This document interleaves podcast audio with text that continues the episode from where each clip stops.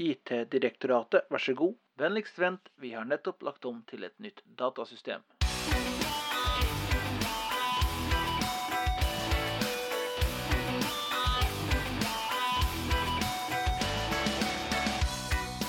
Velkommen til IT-direktoratet. I dag har vi store planer om å um, få Jeg vet ikke, jeg skulle begynne med å introdusere oss, kanskje. Det kan være en god start. Ja, Vi er eh, den faste gjengen. Eh, vi har eh, Paul Bernhard Svenning, Ja. Hei, hei. Richard Imenes, som ikke er spansk, Ikke Imenes. Nei. Imene, og meg, Andreas Dittmann Monsen. Vi eh, som ikke er advokat. Eller arkitekt, eller eh, noen ting som krever dobbeltnavn. Vi eh, har i dag store planer om å snakke om eh, frukt. Ja. Og kutyme rundt spising av frukt. ja, betydning av skjegg. Eller mangelen på kutyme. Ja. Vi skal også prate om eh, tall innenfor IT og eh, teknologi. Vi eh, satser på å komme oss gjennom eh, en runde med IOT. Ja. Og til slutt så skal vi anmelde drikkevarer og ikke minst lakris. Eh, regn med mange digresjoner underveis. Ja, det er vi flinke på. Vi er flinke på det. Det er vel det vi kan, egentlig. Ja. Ja. Kos dere. Muy bueno.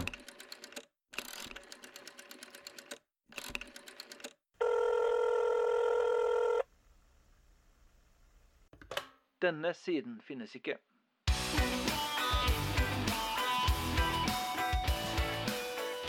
Ja, men da skal jeg starte med å rette opp litt fra jeg snakka om sist. det er tydeligvis ingen botaniker. For at jeg nevnte sist at det var cyanid i stelken på epla. Og det er jo, viser seg å være løgn. Det er jo da i steinene at det er cyanid.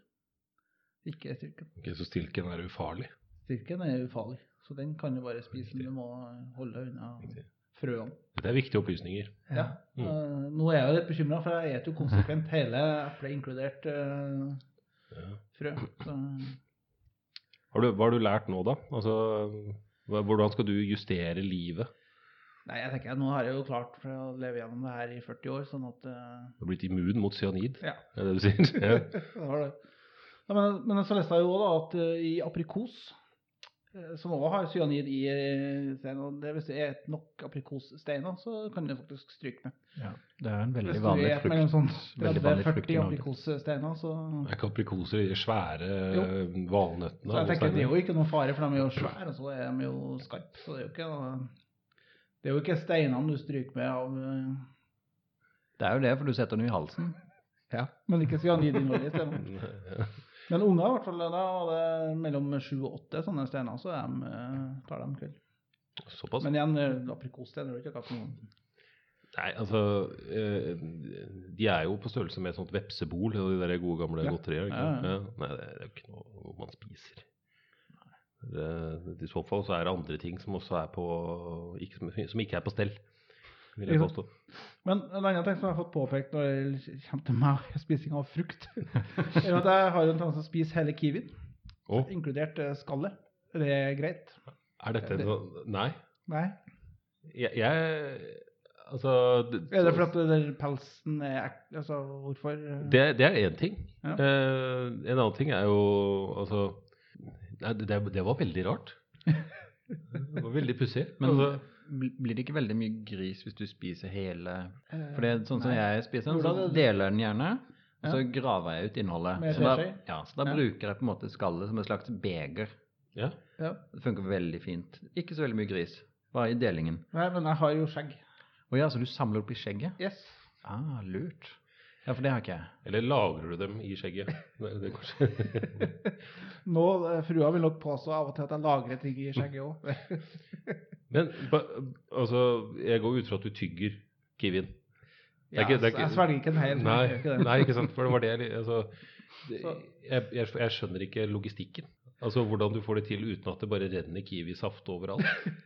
Nei, det går veldig greit. Da. Den er jo relativt hard, så det er jo ikke sånn at den Ikke bli klemt i det. Du, du tar jo bare bett av den sånn som du gjør med et eh, eple eller Åssen er det med appelsiner, og Paul? Eller grapefrukt? Appelsiner ønsker jeg først. Ja, ok. Ja. Ja. Men det Det går for altfor detaljert inn på mine spisevaner, så blir det ofte noe gris. Så der griser du? Ja, for der deler jeg da visstnok appelsiner feil vei I stedet for å dele ifra den der, eh, de to endene, skal du si, der du har stilken, ikke stilken på appelsina, men eh, Jo, jo. prosenten. Der er den er. Ballongknuta. Ja. Ja. Så tar jeg og deler på tvers i stedet. Og det er visstnok Du, ikke greit. du deler Og den. du, Ja, og så tar jeg og bretter den opp, og så spiser jeg.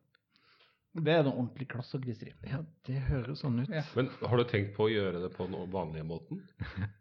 Det blir ikke samme, samme opplevelse. Nei, det blir mindre gris. Ja. Det blir Mindre gris. Ja. Og igjen så kommer skjegget til sin eh, nytte, for det samler opp, liksom.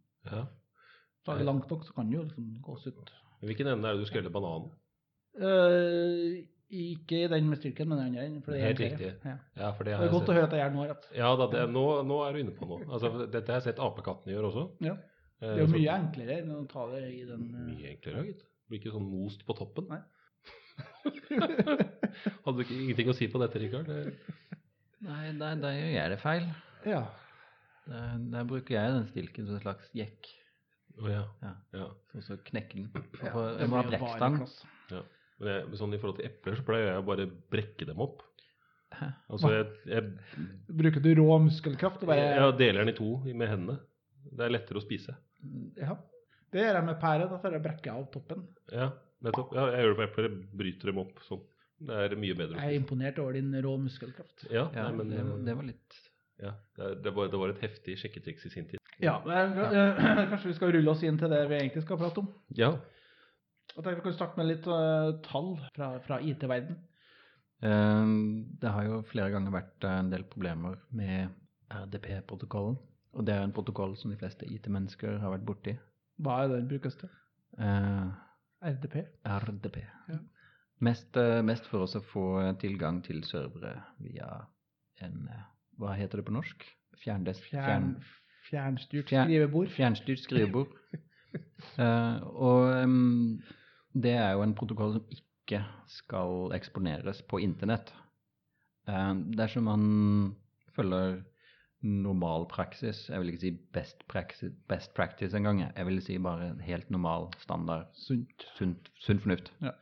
Eh, dessverre så viser det seg at eh, det er en del svakheter tilknyttet denne protokollen av og til. Eh, og i slutten av mai eh, så var det 900 000, 923 671 servere med RDP med, som, som ikke er patchet, som er eksponert på internettet. Nå er det riktignok noen små feilmarginer inni dette tallet, da, men eh, eh, det er det er bluekeep-svakheten da som disse er testet for. Så alle disse har bluekeep-svakhet. Ja. Og Bluekeep er er jo den uh, sårbarheten Altså Den er litt lik uh, altså Man frykter en sånn WannaCry-lignende orm. Hvor man bruker sårbarheten i RDP til også å ta seg inn på systemene og så bare spre seg videre i, i nettet. Ja. Og bruke det som på en måte kommunikasjonskanal for andre umskheter. Ja, er for det- eksempel ransomware og annen dritt. Jeg skulle til å si det er en sånn gissel, eh, gisselorm. Ja. Blant annet. Mm. Man kan gjøre mye spennende med en orm. Uten at jeg skal komme mer inn på det. Nei, kan bare la, la det være der. Ja. La den henge, si. Så budskapet er vel egentlig patch, patch, patch. Jeg tror Microsoft de releasa en patch for det her i starten av mai. Så det, Ja. det har vært tilgjengelig ganske lenge. Folk er treige. Folk er trege. Men det var jo det som skjedde med WannaCry òg. Der var jo patchen ute egentlig to eller tre måneder før. Altså Var folk trege? var folk trege. Men for, for Bluekeep så har jo litt sånn som man gjorde med WannaCry, så har jo Microsoft faktisk releasa patch for uh, Windows XP og Windows Server 2003. Jeg har et litt relatert eh, altså, relatert til sikkerhet, det tallet her òg. Mitt tall er 7 milliarder 859 millioner 520 210 kontoer som er på avveie. Brukerkontoer. Fra diverse nettsteder. Fra diverse, nettsteder, diverse hacks som er gjort gjennom uh, årene. Det her er fra webside som heter haveibeenpawned.com. Hvor du kan gå inn og så du skriver inn e-postadressen din, så sjekker du om kontoen din er hacka i en eller annen sammenheng. Dette kan vi legge ut en link til på vår nye nettside. Vår nye fantastiske nettside som er Den kommer opp etter hvert. pl plutselig Hvert øyeblikk. Hvert øyeblikk. Mm. Og det er egentlig det tallet der kommer så sannsynligvis bare til å øke. Men det er jo, jeg nå skulle jeg jo sjekke da hvor mange mennesker det var på jorda før jeg satte i gang eh, i dag. Det husker jeg jo Ja. ikke, men eh, Men uh, vi er vel det ikke er mange. Ja, Ja. altså det her er nesten 8 milliarder. så Det vil ja, si vi er at ikke der ennå, er? Nei, er jo Men tja, det kan sikkert noen google mens vi, vi prater. Men Andreas googler det, skjer det. um, Men du begynner jo, ja. det er jo ikke alle som har internett i hele verden. Og det er jo ikke Nei. alle som har kontoer. Nei, så det er noen som er egentlig totalt håpløse på passordene sine. her. Ja. Eh, ja. Ja. Så er det et spørsmål hvor mange av disse kontoene er på tjenester som ikke lenger er eh, aktive, altså, eller folk ikke, som folk ikke lenger er aktive på. Ja, som- Ja, så det var ganske mange av dem var henta fra en eh, MySpace-hack. Ja, Jeg skulle til å si det. MySpace, for eksempel. Jeg har vel en MySpace-konto. Det er jo uansett ikke nødvendigvis det som er um, viktig her. Det viktige er jo at man har fått en kombinasjon av brukernavn og passord. Mm. Uh, og siden folk er uh, vanedyr, så bruker de det samme passordet, samme brukernavnet, mange steder. Verdens befolkning var for øvrig i 2017 eh, 7,5 milliard. Ikke sant?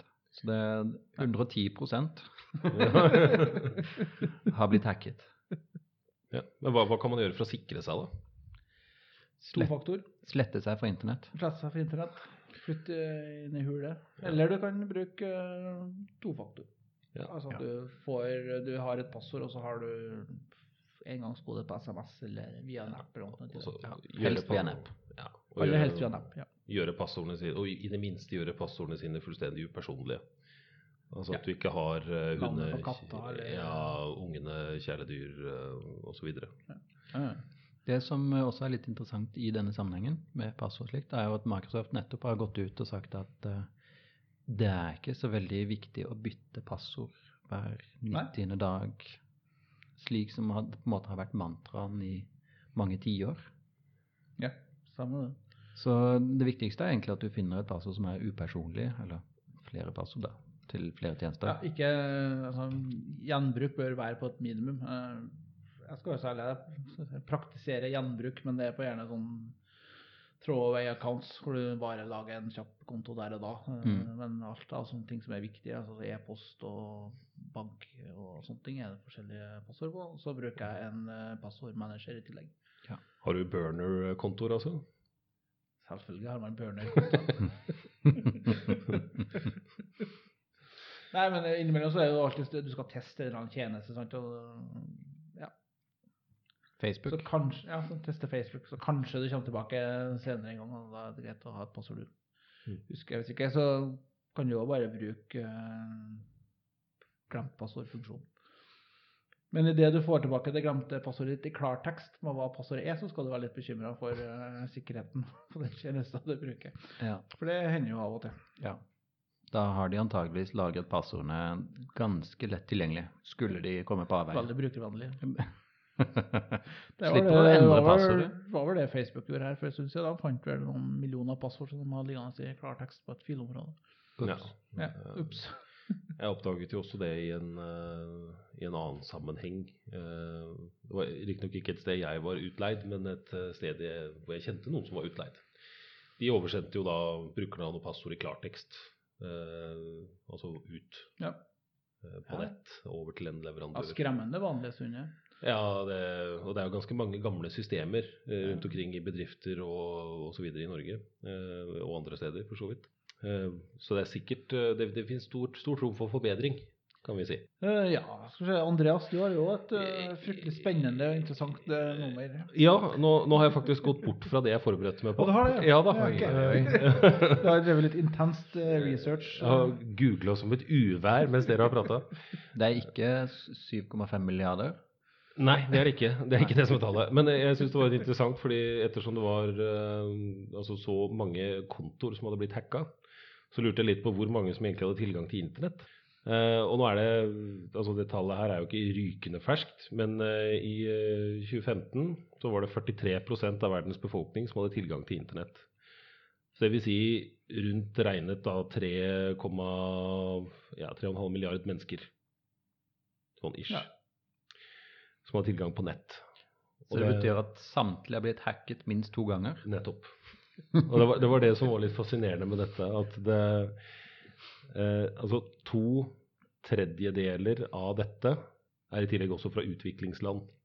Eh, og der eh, mistenker jeg vel kanskje også at utbredelsen av eh, nettverkssikkerhet og den type ting kanskje ikke er helt på topp. Jeg vet heller ikke hvor mange liksom, kritiske internettjenester de aksesserer, da. Men Nei, det, men uh, elektronisk betaling, altså nettbank og sånn uh, à la Vipps lignende løsninger, er ganske uh, utbredt i en del land i Afrika. Og der er jo også Det er ganske altså stor mangel på infrastruktur veldig mange steder. Ja. Så mye av dette her er jo også over trådløs kommunikasjon, som også er enklere å, å få has på da, hvis man ønsker. Så ja, det var mitt tall. Altså 3,5 milliard mennesker er nå tilkoblet internett. Men bare ta en, en siste ting da, at det, Dette tallet har da på 15 år. I 2000 så var det 400 millioner internettbrukere. I 2015 så var det 3,2 eller 3,5 milliarder. Det er en, det er en dugelig økning, altså.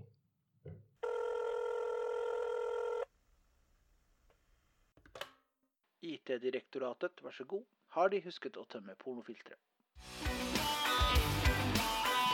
Det er, eh, I 2018 så var det 23 23,14 milliarder tilkoblede enheter til nettet. Ja. Ja. 23,14 eh, tjue- ja, 23,14 Tilkobla. Ja, tilkobla. Det er mye. og altså, Jeg tror det er kanskje en del av disse tingene man ikke tenker over at det er en del av dette heller, altså IOT. Skal vi kanskje først begynne med å fortelle hva IOT faktisk er for noe? Det var det jeg forsøkte å spytte inn. Ja, da Hva spytte er IOT? Å ja, det var ikke svaret du Nei, skulle nei, nei, jeg var ute etter et, å stille et spørsmål, sånn at jeg slipper å snakke. Internet of Things. Ja. Ja. Og altså, kort oppsummert så er Alskens leamikk som er tilkobla. ja, alle, alle dingser som snakker med internett og gir informasjon, er vel egentlig en del av um, Internet of Things, er det ikke det? Jo. Kort oppsummert. Fra en liten chip som kjører enkle, usikra webservere. Altså kjøleskap eh, begynner å komme på nett. Kjølediskene i butikkene er jo på nett, f.eks. Uh, pristaggene er jo på nett. Eh, Ja. ja. Leste, ja, nylig, leste nylig om eh, et eh, matanlegg for eh, kuer. Det var også Ja. på nett. Ja. Eh, ja, det var det som var fritt tilgjengelig for enhver. for øvrig også fritt tilgjengelig. Open source. Ja, så det kan være dumt uh, hvis vi ser noen veldig tjukke kuer noe sted. Uh, så er nok det De har nok de har lagt ut fôringsautomaten på internett. Ja. Ja, var ikke det et eller annet sted også eh, Jeg husker ikke i farta hvor det var. Men det var et sted hvor man hadde muligheten til å logge seg på og hjelpe til å mate katta til en annen fyr. Han hadde lagt opp da materen på nett Ja, og så- ved et webkamera. Ja. Så det var jo eh, Jeg vet ikke helt, jeg tror han hadde satt noen begrensninger, da, men jeg mistenker at den katta ble god feit, altså.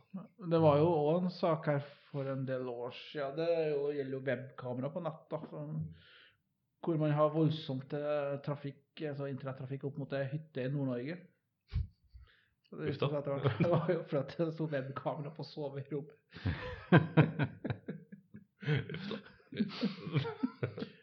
Ja. Så, Nei, men det, altså, det, man begynner jo å få masse dingser i huset og egentlig ikke tenke over det. Så hun skal jo være jeg er litt sånn, Personlig så er jeg jo litt sånn bekymra for de der eh, alarmsystemene de driver og selger som at du skal ha kamera. Mm. Ja. De er jo ikke, ikke Skal ikke mistenkeliggjøre eh, vektere eller noe, men de er jo ikke Det har vel skjedd. Det har vel skjedd. Ja. Folk er nysgjerrige, da. Ja, de er jo det. Ja. Nei, for jeg, jeg, jeg, vi fikk jo det hjemme hos oss, Ja. eh, sånn der med, med kamera. Jeg husker jeg spurte dem, altså er det noe risiko for at plutselig en eller annen eh, klikker seg borti noe og kommer inn på å få sett på kamera. Og han mente at det, det var umulig med mindre alarmen gikk. Som andre ord så er det fullt mulig. Løgn. Ja, det er akkurat det. Det er fullt mulig. Så det er jo ikke noe bedre på IT-sikkerhet og sikkerhet i der enn hva resten av verden er. For å si det sånn. sånn at eh, du må bare gå ut ifra at noen eh, Ja, og man kan vel kanskje se litt på hvis man får en app tilgjengeliggjort fra alarmselskapet, der man kan se temperatur, man kan se kamerabilder og slike ting selv, ja, så er det ikke unaturlig å anta at kanskje noen andre også kan det. Hvem andre kan se det? Det Her, Eh, vi har jo, Nå har ikke vi kamera, men vi har jo sånn eh, Google Assistant, sånn Google Home eh, Jeg har hatt det lenge stående, faktisk. Eh, og da er det jo mange som spør spør meg, så jeg jobber med, sikkerhet, jobber med sikkerhet, altså hvorfor i all verden har jeg ikke bekymra for det? For de vil ikke ha det pga. personvern og høyttaler og annet, men det er jo akkurat de samme folkene som går med en telefon i lomma, mm. Med akkurat samme funksjonalitet som Ja. har med seg hele tida. Ingen forskjell på dette og Siri og Nei. Alexa. Og, Nei. Og den blir ikke så fornøyd når jeg påpeker det, da. Du vet den der Rema 1000-reklamen? Den der Open the door. Ja, det er. Ja. Open the door. Jeg har, sånn, eh, har av og til litt lignende opplevelser rundt det, for jeg har òg sånn Ikea trådløs sånn, eh, som kan koble opp mot Google Home. Så. får Google til å slå av lyset, blant annet. Mm. Så lenge så har jeg egentlig sagt til den eh, For å legge meg sånn OK, Google Eller jeg skal kanskje ikke si OK, Google på podkasten, OK, assistant, turn off eh, my wife. Men etter hvert da, så har den begynt å slå av alt lyset når jeg sier det. Så jeg vet ikke om det er noe sjalusi i bildet. noe AI som Turn off my wife. Ja. skravler ordentlig. Skru- Yes. Ja, så at nå har den da faktisk begynt å slå av alle lys når jeg sier det. Ja, Men det kan jo være noe sammenheng med at eh, mange fugler, hvis det blir mørkt rundt dem, så blir de helt stille og sovner. Ja, kanskje det er det. Ja, Kanskje en tenker at det er noe logikk der. Ja, At det er rett og slett en AI-logikk som er ute og går. Ja, Altså, nå er ikke Paul gift med en undulat. Det, det vet jeg ikke om Google er klar over. Nei, det Nei, det- er for så vidt helt sant. Ja, men, eh, men jeg tror egentlig den har noe imot uh, frua, for jeg drev også regis- Du kan jo legge inn liksom eh, navn på slektning, altså ektefelle så bla, bla, bla. Så, var jeg jo, så fikk jeg spørsmål fra Google om okay, hva er navnet, eh, what's the name of your wife? Da sa jeg Tone Husmo. Ok, registering your wife as Tuna Who Smoke. Ok. Så eh, ja, vi har litt sånn Rema 1000-aktig øyeblikk der jeg er Google-dama. Tuna Who Smoke. Tuna Who Smoke, ja. Det er et fabelaktig navn. Så jeg, nå har jeg fått indianernavn, rett og slett. Ja. Jeg, jeg har hjemme så har jeg et sånt Sonos-system. Ja. Og de nyere høyttalerne der er også koblet opp med Alexa. Men jeg har med vilje ikke lagt opp ennå. For øh, jeg har en, øh, en femåring og en treåring løpende rundt hjemme som i øyeblikket er ekstremt glad i Lego-filmen 2-musikken. Eh, Og jeg vet at hvis det kommer på der, så kommer den musikken til å bli spilt døgnet rundt. Så det, jeg, jeg venter til den dilla har gitt seg, før jeg kobler det på. Uh, Svigerfamilien har gjort dette, og de får, uh, hver gang hun er på besøk der, så spilles det kontinuerlig. For de har lært seg. OK, Google. Play Lego Movie 2 soundtrack. Ja. Så, nå trigga du det til alle 100 lytterne våre. Vær så god. OK, Google. Play catchy song. Ja. Men eh, hvordan er Google Home og sånt noe med dialekt? Du, jeg snakker stort sett engelsk med Google Home, for jeg syns det er rart å snakke norsk. Ja, tror du han er god på trøndersk? Nei, det tror jeg ikke. Det må være sånn normert bokmål. Ok, Ok, Google, skru av lyset! Skru av- lyset. Kunne vært interessant. Og så er det litt sånn Ja, så har jeg jo stilt, jeg har jo stilt på at den skal skjønne norsk, så den gjør, gjør jo det. Men det er også litt sånn bingo om den svarer på norsk eller eh, engelsk. Det er liksom Jeg kan stille spørsmålet eller snakke den på engelsk, men jeg får svar på norsk og for så vidt omvendt. Mm. Så den er ikke helt, uh, helt støl. Er det er det språkforvirra? Språkforvirra. Ja. Ja. Norsk, norsk, engelsk, trøndersk og nordlandsdialekt. Ja, dette her høres, høres lovende ut. Nei, har du noe stæsj hjemme da, Rikard? Eh, Av alle disse tingene som kobler seg på internett, så tror jeg det nærmeste jeg kommer, sånn sett bort fra alarmsystem, som vi allerede har vært innom, eh, så må det være værstasjon. Det tror jeg er liksom det mest personlige. Og det, den, jeg kikka jo litt på den før, eh, før denne podkasten, og den, den har jo mikrofon.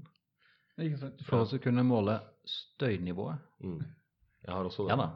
Støynivå med Ja. hermetegn. Ja. Oi, her var det mye støy. Det var ikke et trivelig innemiljø.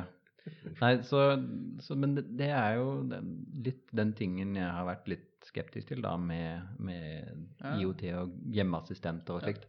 Hvor mye er det som lagres og prosesseres i enheten, og hvor mye er det som skippes av gårde til kjære Google eller Amazon eller hvem enn det er som leverer hjemmeassistenten din? Ja, ikke sant. Uh, Google ble vel også tatt for å ha mikrofon i de der Nest-termostatene sine, ble de ikke det? Mm. det. Oi, er, er det mikrofon der? Mm. Jeg visste ikke jo. Ja, altså, jeg har en uh, oppe på oppe oppi hytta mi i Nord-Norge. Uh, ved siden av webkamera så har jeg en, Nei da. Jeg har en, eh, en brannalarm fra Nest. Nå tok han den. Tok litt tid. Nei da, men jeg, jeg har faktisk et hus oppe i Lofoten. Uh, og I det huset så har jeg en sånn Nest brannalarm i taket. Uh, og der er det jo en mikrofon. Fordi den skal høre flammene. Nei, det er for å, det er for å, for å måle støy, da. Ikke sant? Altså, La oss nå si at det er en brannalarm som ikke er koblet til Nest. Så kan den høre Så kan den høre det.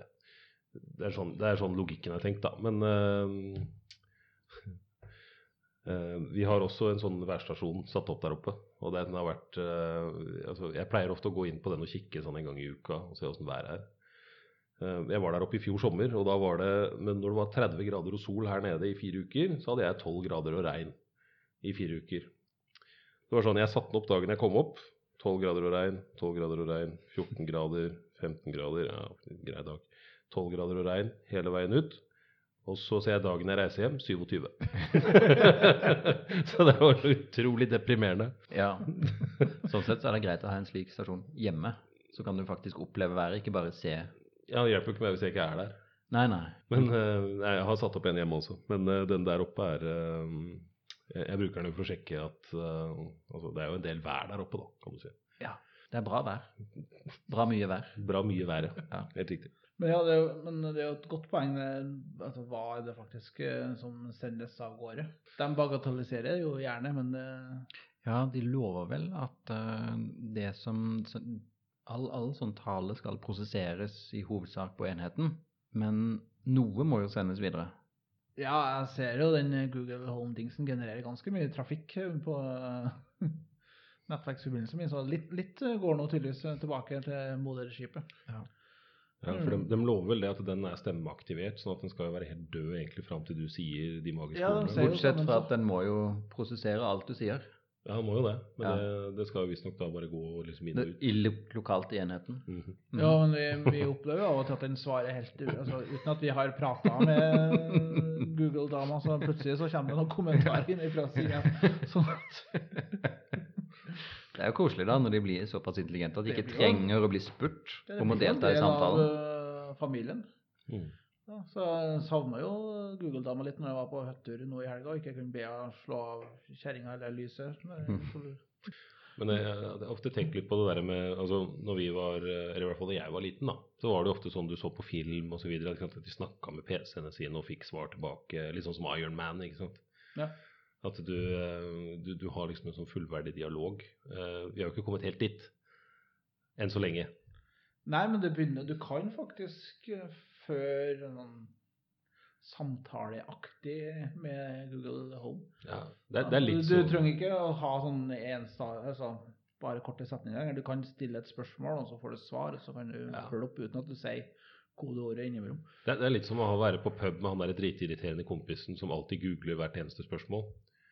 Ja. Ikke sant? Du får, helt, du får helt klinisk nøyaktig svar hver eneste gang. Du burde egentlig ha lagt ned forbud mot det, føler jeg. Ja. Googling på pub burde ikke vært lov. Nei, det er jo et uh, problem på quiz, er jo at folk uh, driver og tafser på mobilene. Uh. Ja, jeg, ja, jeg tenker jo ikke på quiz, bare sånn, bare sånn generelt, egentlig. Burde- Ja, det er veldig saboterende for samtalene. Mm. Ja, det har tatt nuven av alt sånn gode, gode gamle pubdiskusjoner. ja, Der liksom, man kan sitte og synse noe voldsomt. ja, Ja. og alle har feil. Et eller annet idiot som faktisk kom- sjekker hva som er rett. Ikke sant? Ødelegger hele sammen. Å ja, nei, det var, ja, det var sånn det var, ja. Ja. Ja, da falt hele poenget mitt sammen, da. Men, eh, Men, så men da bortsett fra det, så er det ja. Ja, og da inn på det, for jeg leste en, eh, en artikkel her eh, angående en, en fyr som hver gang han var på fylla, så gikk han inn på Wikipedia, og så økte han arealet til staten Minnesota med fem kvadratmeter. Dette holdt han på med i ganske mange år. Helt til han la ut en tweet om det. Eh, liksom Han hadde økt delstaten Minnesotas landareal med 200 kvadratmeter, eller hva det var for noe. Og da ble han faktisk sperra ute fra Wikipedia. er ikke det den skal brukes til. Telle hvor mange ganger du har vært ute. Ja, det var jo jeg tror det var han gamle fotballspilleren Mini Jacobsen. Eh, Det var jo noen som hadde hacka hans eh, Wikipedia-profil og skrevet at han var én meter høy.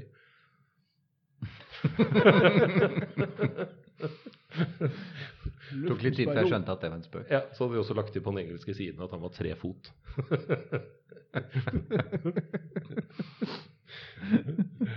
det er jo faktisk litt gøy, da. men det er jo ikke derfor vi Altså, det, det underminerer jo litt verdien av Wikipedia som et oppslagsverk, da.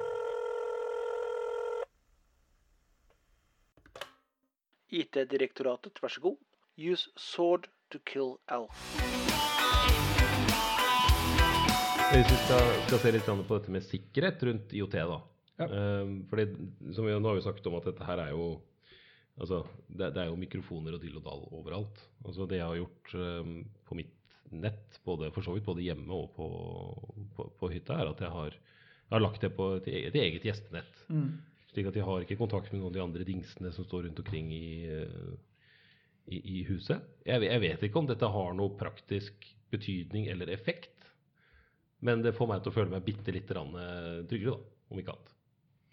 Ja, i det minste så har du da hindra at IOT-en blir et inngangspunkt for å komme videre inn i nettverket ditt. Ja. Eh, Så det Jeg vil ikke si at det er en dårlig idé. Men er du bekymra da for at noen skal komme videre inn i ditt ordentlige hjemmenett, eller er du Hva beskytter du? Beskytter du IOT-en, eller beskytter du Jeg prøver egentlig Altså- også, altså fordi på mitt vanlige nett, Mm. altså, så har jeg jo PC-er og jeg har uh, alt mulig sånt noe. Ja, ja. Så jeg vil jo helst ikke at noen skal hoppe inn der og begynne å, å si keylogging og alt mulig rart for uh... ja så det du, du, du bekymrer deg for at eh, noen bruker IOT-dingsene til å hoppe videre? Ja. Ikke for at noen skal begynne å slå av og på lyset eller sjekke eh, været nordafor. Jeg, jeg, jeg tenker som så at hvis de begynner å skru av og på lyset, så er det lettere å fikse enn at noen tar bankkontoen min. Det er for så vidt sant. Men det er det, ja. Mm. Og det er den samme Windows-PC-en som du bruker til bank-ID, ikke sant? Ja. Ja. Mm. Mm. jeg, fant- jeg fant et høl i sikkerhetstankegangen din der. Ja. Men ja, det, men det å sikre seg på altså, Det er jo et generelt problem, da, ikke bare sånn eh, termostater og sånne ting som man har eh, hjemme, eller assistenter og sånt. også. Altså, bilene er jo på nett. nå. Det Ja, det er jo folk som har som jobb og som forskningsprosjekt altså å hacke biler, og får det til. Endre på systemene i fart og sette på bremsene og ja. Ja. Det, det er jo altså Det som er veldig mye med IOT, er jo det, er litt, det har en litt helt annen tankegang enn hva man har utgangspunktet innenfor IT-bransjen, hvor mye handler om konfidensialitet. men at- Men når det handler om IOT, så handler det gjerne om at det skal være eh, billig, altså lave produksjonskostnader, og så skal det være tilgjengelig og oppe. Mm. Så skal det ha en lav terskel for å brukes. Mm. Da får du jo da sånne chipper fra Kina med webservere som ikke lar seg oppdatere sånn at Mm. Gud og hvermann har tilgang til fryseren din. Ja, ikke sant. Og ja, det var litt som vi diskuterte her, ikke sant. At uh, usikra kjøleskap uh, med nettilkobling ja. Ja. for at du skal kunne se oppskrifter på kjøleskapsdøra, Ja. kan jo potensielt sett være et stort sikkerhetshull hjemme hos deg. Så, uh, og det er klart, hvis da bilen din er koblet til det samme nettet som denne er koblet til, så Men der er det jo, men det, der har vi jo et problem, da. For at en ting er jo sånne som oss, som eh, skjønner at ok, det her bør være på forskjellig nett, f.eks. hjemme. Men den vanlige eh, personen altså, vil jo ikke tenke så langt som at eh, ok, det her Teslaen min bør ikke være på samme nett som PC-en min, f.eks. Eller som Nei. Men da vet jeg ikke så er uh, nå, da, dette, Jeg vet ikke om Tesla er et godt eksempel, da, men Nei, jeg mistenker at de kjører eget mobilnett. Ja, de gjør for så vidt det. Men fryseren, da, for å si det sånn, eller TV-en Mm. Ja, skal den egentlig stå på samme nettet som du bruker til også, ja, som du nevnte, altså gjør internettbanking? internettbanking? Ja, ikke sant, for det, Ja. som sagt, jeg har jo skilt de to. Ja. Så, uh, nettopp på grunn av det. Og um, som, som jeg nevnte her, altså, jeg, jeg vet ikke om Altså, hvor, hvor sterk er den muren som er imellom gjestenettet og eh, det vanlige nettet mitt? Nei, er det en eh, D-link-ruter du har sånn, så eh, tror jeg du kan bare Eller bare, like greit å bare ha det åpent, si. Ja. Nei, men det er jo et godt poeng, for det er jo ikke alle av de der hjemmetrådløse ruterne og, og som er kjent for å være så veldig sikre heller, da. Nei. Så jeg tror jo eh, ja, man må akseptere et visst nivå med Altså, Men- be- beskjed Ja, Ja. sorry. Nei, jeg tenker jo at eh, En vei å gå er jo rett og slett lovkrav. Ja. Eh, Eh, Altså, det, Kjøper du et vanlig produkt da, som går rundt, og så kjøper du ja, en bil da, som har en eller annen feil som gjør at du er utsatt for risiko, så blir jo den kalt inn på verksted og fiksa. Ja, jeg har en, har en historie der. Min første bil eh, kjøpte jeg, kjøpte jeg ny da jeg var 19. eh, Relativt ny. Altså, Ja. Eller jeg var helt ny. Eh, Så bodde, på den tiden så bodde jeg på Lambertseter. Så kom jeg kjørende opp i eh, rundkjøringa på Ryen. Og idet jeg skulle stoppe i rundkjøringen, fordi det kom en eh, bil som jeg hadde vikeplikt for, så tråkka jeg inn kløtsjen og bremsen. Og når jeg tråkka inn kløtsjen, så ga bilen gass. Rett ut i rundkjøringa.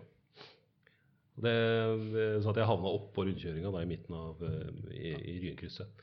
Det ble ikke noe skade på bil eller meg eller noen andre, men det kunne jo fort ha gått skikkelig gærent. da. Og Det var en programmeringsfeil i bilen som gjorde at det var eh, noe, noe Ja. fiksfakseri mellom Ja, det. Men eh, det, det var ikke noe problem å få det retta opp i, da. For å si det sånn. kunne vært litt ugunstig for de som hadde produsert den. Ja, og det, det er jo sånne typer programmeringsfeil man må unngå at blir introdusert når tingen din alltid er koblet opp på internett. Mm. Nettopp Det det. hørtes jo ikke helt bra ut i det hele tatt. Men det, er Internet of Things. ja da. Ja, Og plutselig så ble jeg aldri ja. Mm. det er ikke min feil. Uh, men men et, en måte å på en måte håndtere disse problemene må jo være å få etablert standardiseringer for tingene som skal på internett. Ja. Ja, må, ja, men det er standardisering, lovkrav, men det fører jo, til en, fører jo med seg en kost igjen. da. Ja. Og Da er jo spørsmålet om forbrukerne er villige til å betale de ekstra håper kronene det koster. Det håper jeg virkelig, men jeg frykter at man ikke er villig til å ta den kosten. Man har jo sett eh, hvor villige folk er til å godta bompenger når eh, det skal betales for veiprosjekter og kollektivprosjekter. Ja. Eh, så hvis man må betale ekstra for ting som er koblet opp på internett, ikke sikkert at det er kjempepopulært. Nei, men Nei, sa- jeg tenker mer på altså, kosten, det du betaler når du kjøper den. Altså, Jo, jo, men, det blir jo dyrere. Ja, det blir det. Men skal, skal vi bry oss om det? Altså sånn øh, Hvor viktig er det egentlig at alt er på nett, tenker jeg da. Altså er det egentlig en Skal vi egentlig vurdere det i det hele tatt, at det er et problem at det blir dyrere? Nei, jeg tenker bare at mer, problemet er mer at man absolutt skal koble på Nei, altså, jeg tenker det at øh, ok, vi har kommet så langt nå at alt kan kobles på nett. Ja. eh, og det er da for så vidt én ting, men jeg vil jo si det at kosten for all dævelskapen som dette kan føre med seg, må jo være mye høyere enn at du betaler 20 kroner ekstra for en, øh, ja. en brannvarsler. Ja. Og hvis du ikke har lyst til å betale den summen, nei vel, da skal du kanskje ikke ha dette kobla på nett, da. Nei, men altså, det er jo et kunstig si det er jo et, kunstig behov, da, i hvert fall per sånn som ting er nå. Du må jo ikke ha alt i heimen din kobla på, på nett. Altså, grunnen til at jeg har uh, denne Ikea trådløs uh, belysningssaken, som er, det er jo koblet på nett. Det er jo rett og slett for at jeg syns det er artig med dingser, og så blir man jo litt lat, og det er litt kult å sitte i sofaen og be Google slå av lysene dine, f.eks. Jo, jo. Men igjen, jeg går ut ifra at eh, prisen på den IKEA-løsninga den er såpass lav at eh, sikkerheten der er nok litt sånn ymse. Ja, og?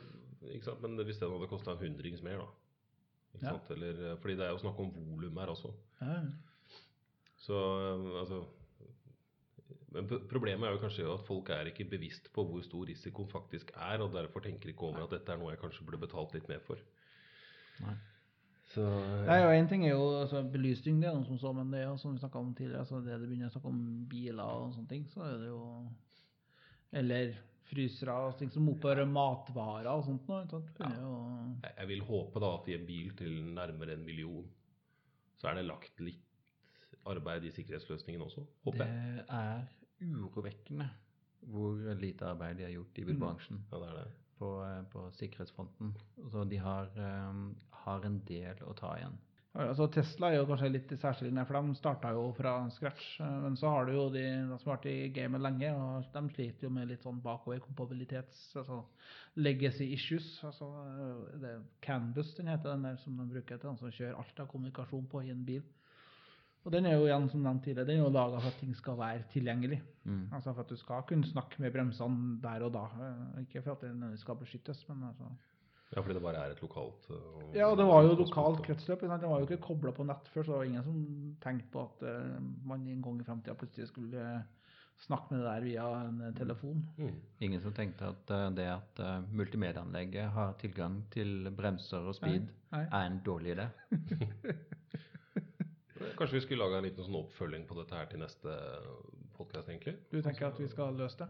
Nei, nei, nei, nei, nei for all del. Men også snakket litt med, da, f.eks. Ja, Tesla. Så har kanskje snakket med Polestar, da, som har åpnet butikk nå rett i nabohuset her. Det, det er Volvo, ikke det? Jo, Volvo. Stemmer. Er dårlig navnevalg. Polestar. Ja.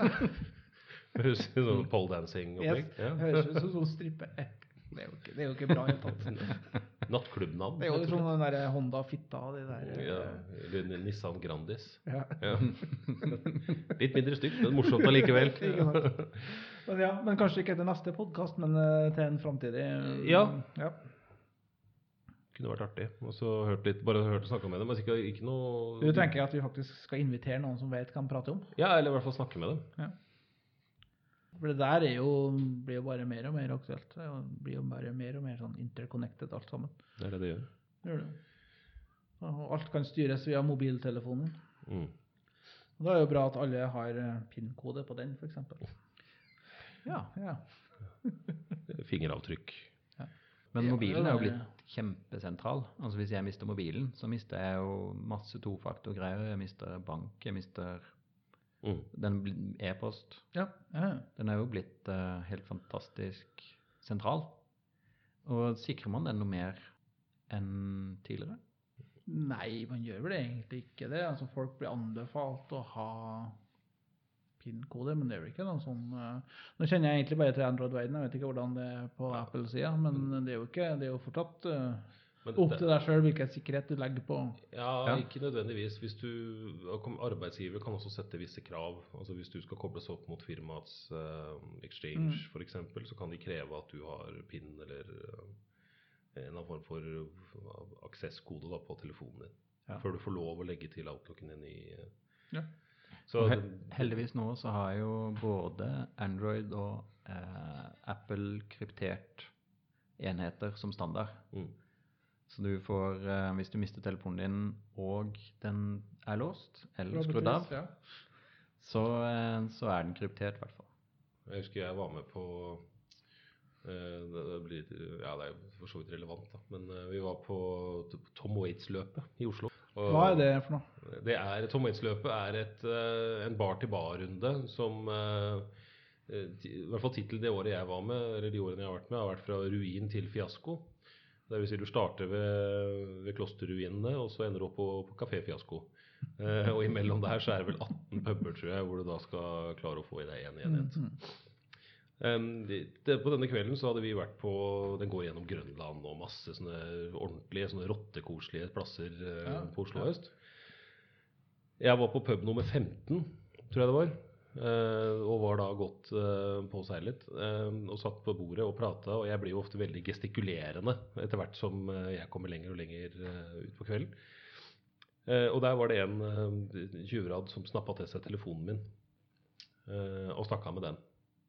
Det var en, eh, en iPhone eh, 3, 3G, eller hva den het for noe på den tiden. Og det har jeg tenkt på mange ganger. Altså, altså Den telefonen der sånn, den er ikke mye sikra. Altså, der var det jo innlogginger til alt mulig rart. Ikke sant? Og, og sånt. Nå, nå så ikke han akkurat ut som noe Uh, noe IT-whiz på noe vis. Uh, så jeg mistenker at den bare ble wipa og solgt. Uh, Ja, mest sannsynligvis. Mest sannsynligvis. Jeg har ikke fått noen konsekvenser av det etterpå. Mm. Men det er liksom et lite øyeblikks uoppmerksomhet, da, og så har du mista det.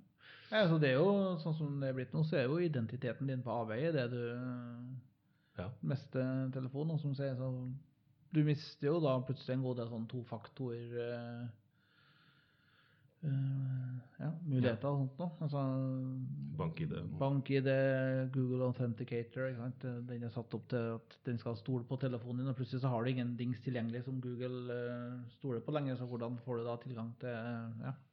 Jeg var gjennom litt samme runde der når dattera mi også påsto, eller trodde å ha mista telefonen. Mm.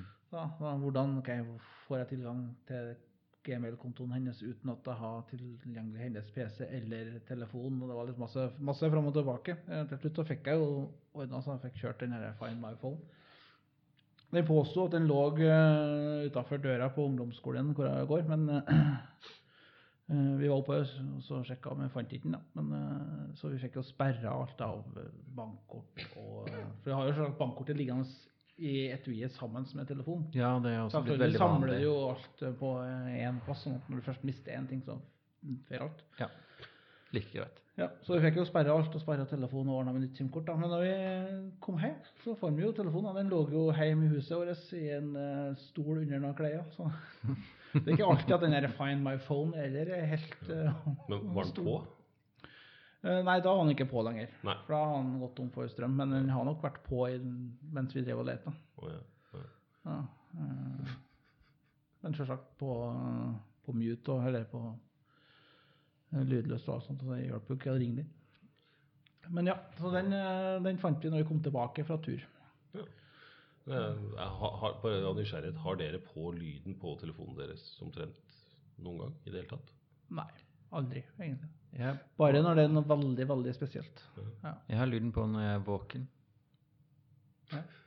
Og ikke er i møter. Så den pleier å være avskrudd? er det det du sier? Ja, det hender, hender at jeg skrur den på én gang. Liten gang. Liten time. Ja. Nei, jeg bare kom på det. Jeg har aldri på lyden lenger. Altså, den er alltid på lydløs. Hvorfor det?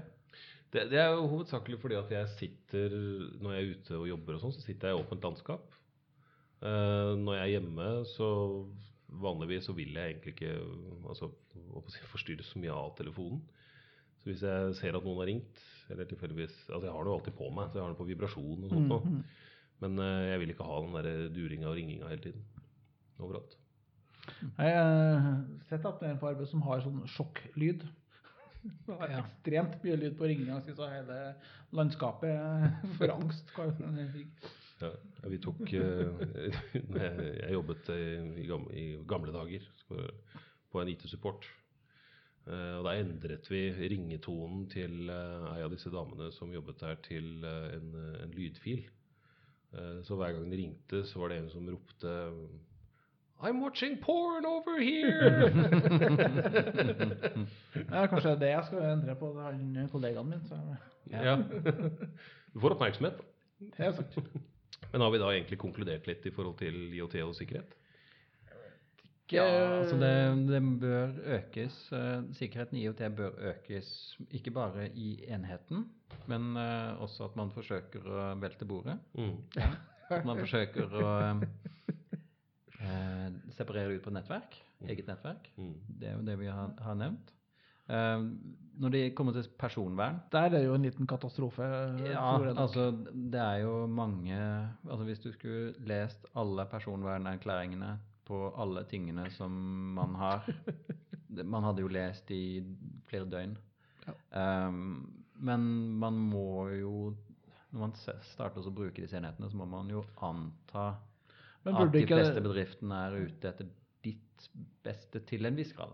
Men burde ikke egentlig være bedre nå etter GDPR? For da skal jo sånne personvernerklæringer være eh, skal jeg si, lesbar og enkel å forstå for den jevne, jevne forbrukeren. Men eh, burde ikke de også egentlig vært altså jeg vet ikke om, Nå vet ikke jeg så mye om akkurat uh, hvordan det der eh, er skrevet, men burde ikke de også vært standardisert, egentlig? Det hadde vært veldig fint om de var. Ja, Ja, altså- de er jo til dels da, det da, for det starter jo alltid med vi uh, Vi respect and care about your privacy, bla, bla, bla, bla, bla. ja, ja, og så vet jo de You take no responsibilities for og de, de vet jo like godt som alle andre at det vanlige folk leser første avsnittet, og så gidder de ikke mer. Nei.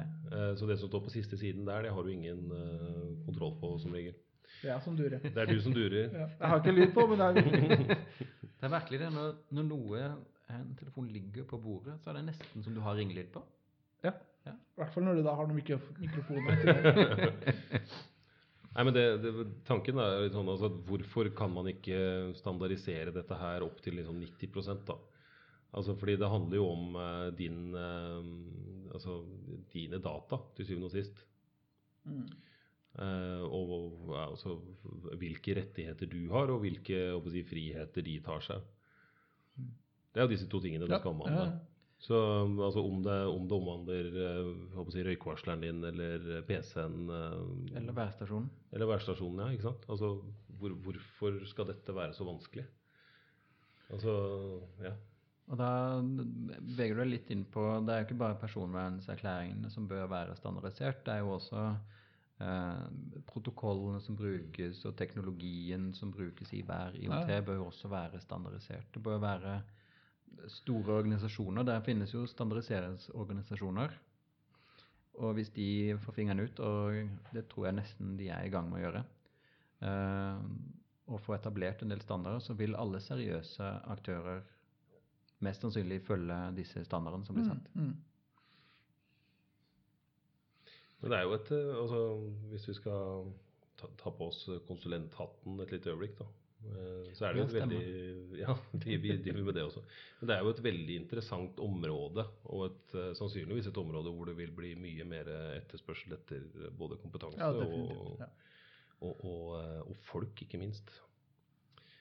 Så det er jo Ja, jeg ser eh, det er 150 nye IOT-sikkerhetsleverandører som kommer til i, eh, i, i, eh, i året.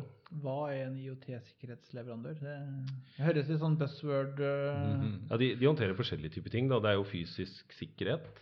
er noe for så vidt én ting. Aktivitetsmonitorering. Så er det noe som heter Unified Threat Management. Så det vil si da altså trusler mot eh, alt. ja, men update og Life, patch. universe and everything. Ja. eh, update og patch uh, management. Uh, Ja, men det er jo en greie, patching og alt det der. Yes. Eh, Hvor ofte patcher du uh, værstasjonen din? Jeg har ingen værstasjon. Jo, det har jeg. Den er jo jeg har sånn Claes Olsson, men den er ikke på nett. Har du en ne ne nettatmo? Nei, jeg har ikke det. ja, er- Hvor ofte patcher du din? Min nettatmo? Ja, Jeg har vel aldri vært patcha. Aldri vært patcha? Nei. Når når jeg fikk den, Ja, ok, ja, det, var, det var ikke fordi du ville, men fordi den ville? ja. Det er vel riktig. Men eh, nå vet ikke jeg om det er satt opp noe automatisering på det. det Nei, det, det burde det jo vært som men jeg- standard. Jeg ser jo den IKEA-saken her, den eh, får jo oppdateringer jevnlig. Så den er jo, så, men det er jo relativt nye ting. Men så har du jo sånn, litt sånn eldre IOT som plutselig blir kasta ut på, på nettet. Som kanskje ikke alltid altså Det er ikke nødvendigvis forbrukerting, men det har jo fabrikk-IT. Altså, Ja, vi har jo allerede nevnt matning, matmaskiner. mat, ja, mat- Fôringsmaskiner. Ja, Ja, når du sier fabrikk-IT, så mener du da altså IT bruker, som brukt i industrien? for eksempel. Ja, Ja. Mm. Altså, styringssystem for industrien. Altså, og det er jo sånn kostbare, kompliserte system ikke sant? som ikke nødvendigvis bare bare altså patch eller erstatt. De har jo sånn 15-20 års nedskrivingstid. og Så Ja. du, du kjøper jo ikke bare en ny robot eh, eller en ny Nei, nei. eh, PLC. Nei, men altså Det gjør du jo ikke i uh, altså Verken i, i, bank eller i olje eller noen ting. ikke sant? Og, det, det. og, fram til nå så har det jo heller ikke vært stilt krav. For det, det er gjerne en sånn setning som uh, møter jeg når jeg begynner å stille krav til at eh, hva, dere må faktisk sørge for at eh, systemene deres kan opp, oppgraderes, altså patches med sikkerhetspatcher. Så får du gjerne tilbake at eh, ja, men det er jo bare dere som spør om det, ingen andre som spør om det. Det er en sånn standard svar du får. Men jeg tror nok at eh, det er i ferd med å endre seg. Ja. Men det er klart det er en ganske kostbar endring da, for ganske mange. Ja, Ja. For det er jo klart, altså Du kjøper en maskin til 20 millioner, og så har de brukt 10 000 på å utvikle sikring til, til IOT-en. Ja. Ja, og det er riktig, eller så styres hele greia av en litt sånn sliten XP-maskin som står i støven i et hjørne. ja. Ja, og så kommer uh, Bluekeep og bare nuker hele Det er klart, mye, noe av dette kan jo også omgås med kunnskap og kompetanse. Da. Hvis man hadde sikra denne fôringsmaskinen i, eh, fra starten av. For det tipper jo at dette Det kan godt være at det er åpent som standard, men hvis man konfigurerer det riktig, så lukkes det litt ned. Ja, så jeg tror jo mange Ja, så absolutt. Tror, Mye standardinnstillinger som kanskje er litt åpne. Ja, for å mange legger det på, rent rett på nett for at det er enklest å gjøre det sånn. Mm. For da når jeg det fra campingvogna der jeg er ute på ferie, så får jeg fôra kyrne. Funker så fint, da. Ja, ja. Det er nok eh, Ja, opplæring er viktig. Jeg tror, og, ja, være klar over hva du faktisk eh, tilgjengeliggjør på, på nettet. Ja. Ja, for forstå at ikke f.eks. en værstasjon bare måler eh, regnvann eller vind. Nei, den har faktisk også en mikrofon. så- Ja, det er akkurat det. Ja, Ja, og det er jo, og nå- nå er det jo leker òg, som kommer med innebygde kamera og mikrofoner for at ungene skal kunne Ja, prate med dem. Og det har jo vært flere tilfeller hvor man har avdekket at det sender informasjon tilbake. Det Og er, at det har blitt uh, hacka. Så man, uh, det syns jeg er kjempeekkelt, akkurat det greiene der. ja, du har jo diverse lugubre folk som har hacka leika og sitter og så kikker på eh, Ja, ja. ungene som ligger og sover. Eller eh, Nei, jeg har uh, ingenting med verken kamera eller mikrofon inne på ungene, ungene sitt rom. Det, er, uh, det vil jeg ikke. Men det er jo noe man må være bevisst på. Ja, ja, ja. Absolutt.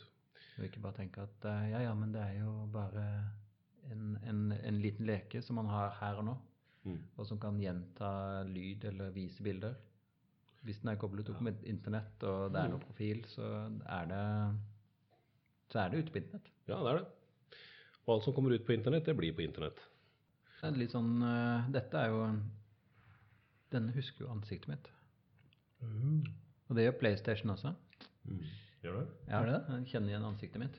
Sånn at uh, jeg kan ja, Den logger meg inn på min profil, og dama inn på sin profil. Har du sånn 4K PlayStation, eller er du sånn Pro? Pro. Pro. Ja, jeg- I'm a pro gamer. Mm. Jeg har ikke kjøpt den, jeg. jeg har bare holdt meg til den gamle. Så bra at ikke Sony har blitt grisehacka. da. Eh, nei, de har ikke blitt så veldig hacka, bortsett fra én gang. Uh, Ja, Da ble de veldig, veldig hacka. Veldig hacka, ja. Ja. Da var det alt av ja, brukernavn, passord, e-post Apropos Kredittkort. ansiktsgjenkjenning. Jeg så jo at uh, Immigration Services i USA er jo blitt hacka. Ja, de Så der er det jo sånn masse liten bilder på avveie av uh...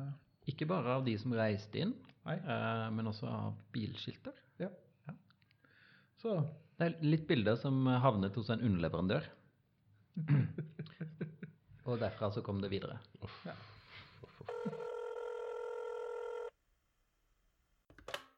IT-direktoratet, vær så god. Har de forsøkt å slå EDB-maskinen deres av og på igjen?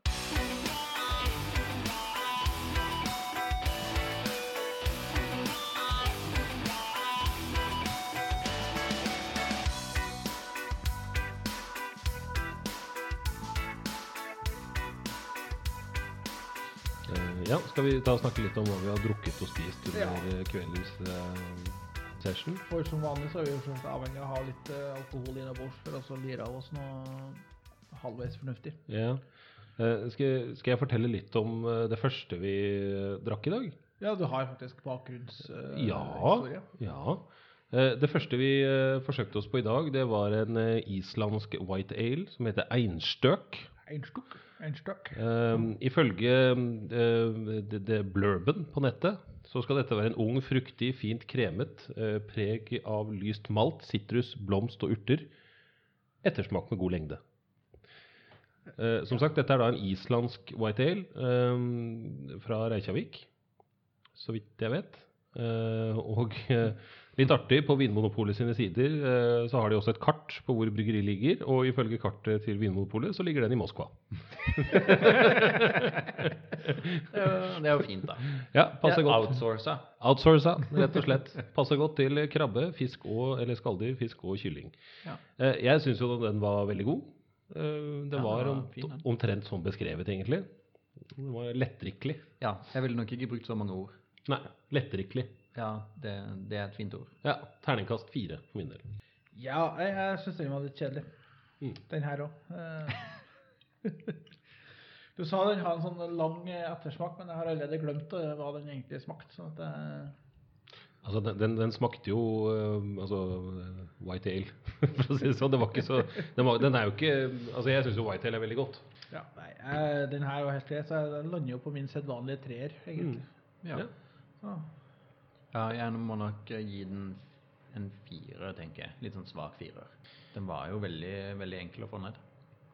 Det var den. ja, det var det jeg kaller for en, eh, si, en sklipils. Nå er det ikke pils, da, men eh, sånn Det sklir, sklir rett, det. Fast øl. Så har, vi, så har vi prøvd oss på en til. ehm, og det er da en uh, Tucher Echt Nürnberger Keller Bier. Er det echt som i act, eller er det Echt. act? Ja. Act-øl? Ekt. Faktisk med æ, men dette er da altså et, eh, et kjellerøl. Lys lager. Uh, ung, kremet og fint fokusert. Det er som å lese en anmeldelse av Richard. Preget av lys malt, urter og humle med hint av eple. Uh, og her er de Er det fortsatt meg? Er ung og duggfrisk, vet du.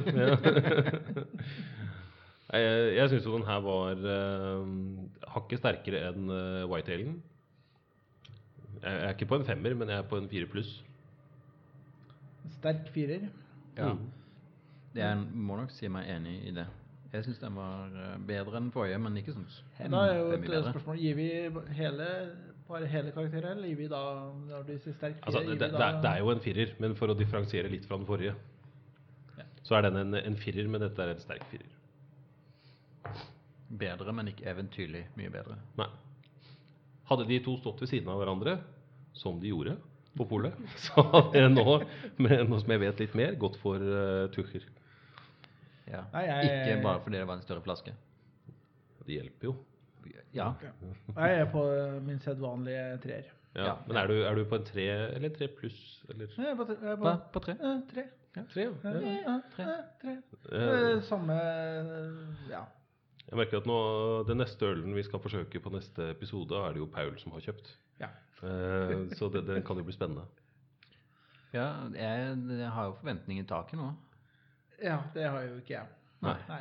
Vi får da se. Så Vi får Men, se, da. vi, vi, Mer i kjelleren, egentlig. men, men gutter, vi har jo spist noe også. Ja, har vi Ja, det har. Litt. Vi har litt snacks. Richard har hatt med seg et lite arsenal av alle de, all den godisen han ikke har spist opp selv. Ja. De, de som er best, er ikke her lenger. Nei. Så Så det er ikke noe fare for gode anmeldelser på, på det som er igjen. ja. Men det vi, også Men det får vi se, da. det vi også har her, er lakris av Bulov. Ja. Eh, som da holder til i kjelleren i bygget rett over gaten for oss, nemlig Sten Strøm. Eh, og de lager er fantastisk god lakris. De lager veldig god lakris. Ja. Nå er ingen av de virkelig gode her. Men ja, Som sagt. så kanskje vi skal la være å nevne dem med navn. Men uh, tester du noe mange samtidig, det du gjør? Ja, jeg gjør det. Bare så, Jeg tygger, tygger som et uvær her. men eh, Jeg, jeg vet i hvert fall hva for jeg- en er det vi anmelder? Nei, jeg tenkte den sweet? Sweet? nummer én. No, ja, det er helt ordinær søt lakris. Ja, men samtidig sånn hvis du Heter det lakris eller heter det lakris? Det kommer an på hvor du kommer fra. Hvis du kommer fra Danmark, der de lager disse. Lakris. Lakris. Lakris. ja. Lakris. Men jeg, jeg synes jo den altså, men det, Til å være en helt uh, ordinær lakris, altså søt lakris, så var den veldig god. Det var Jeg ikke må, noe må helt ærlig innrømme at jeg har ikke smakt den ennå. Fordi at eh, jeg spiste alle de andre lakrisene først. Vet at det har lakserende virkninger. Jeg vet det nå. Ja. Havbukktorn.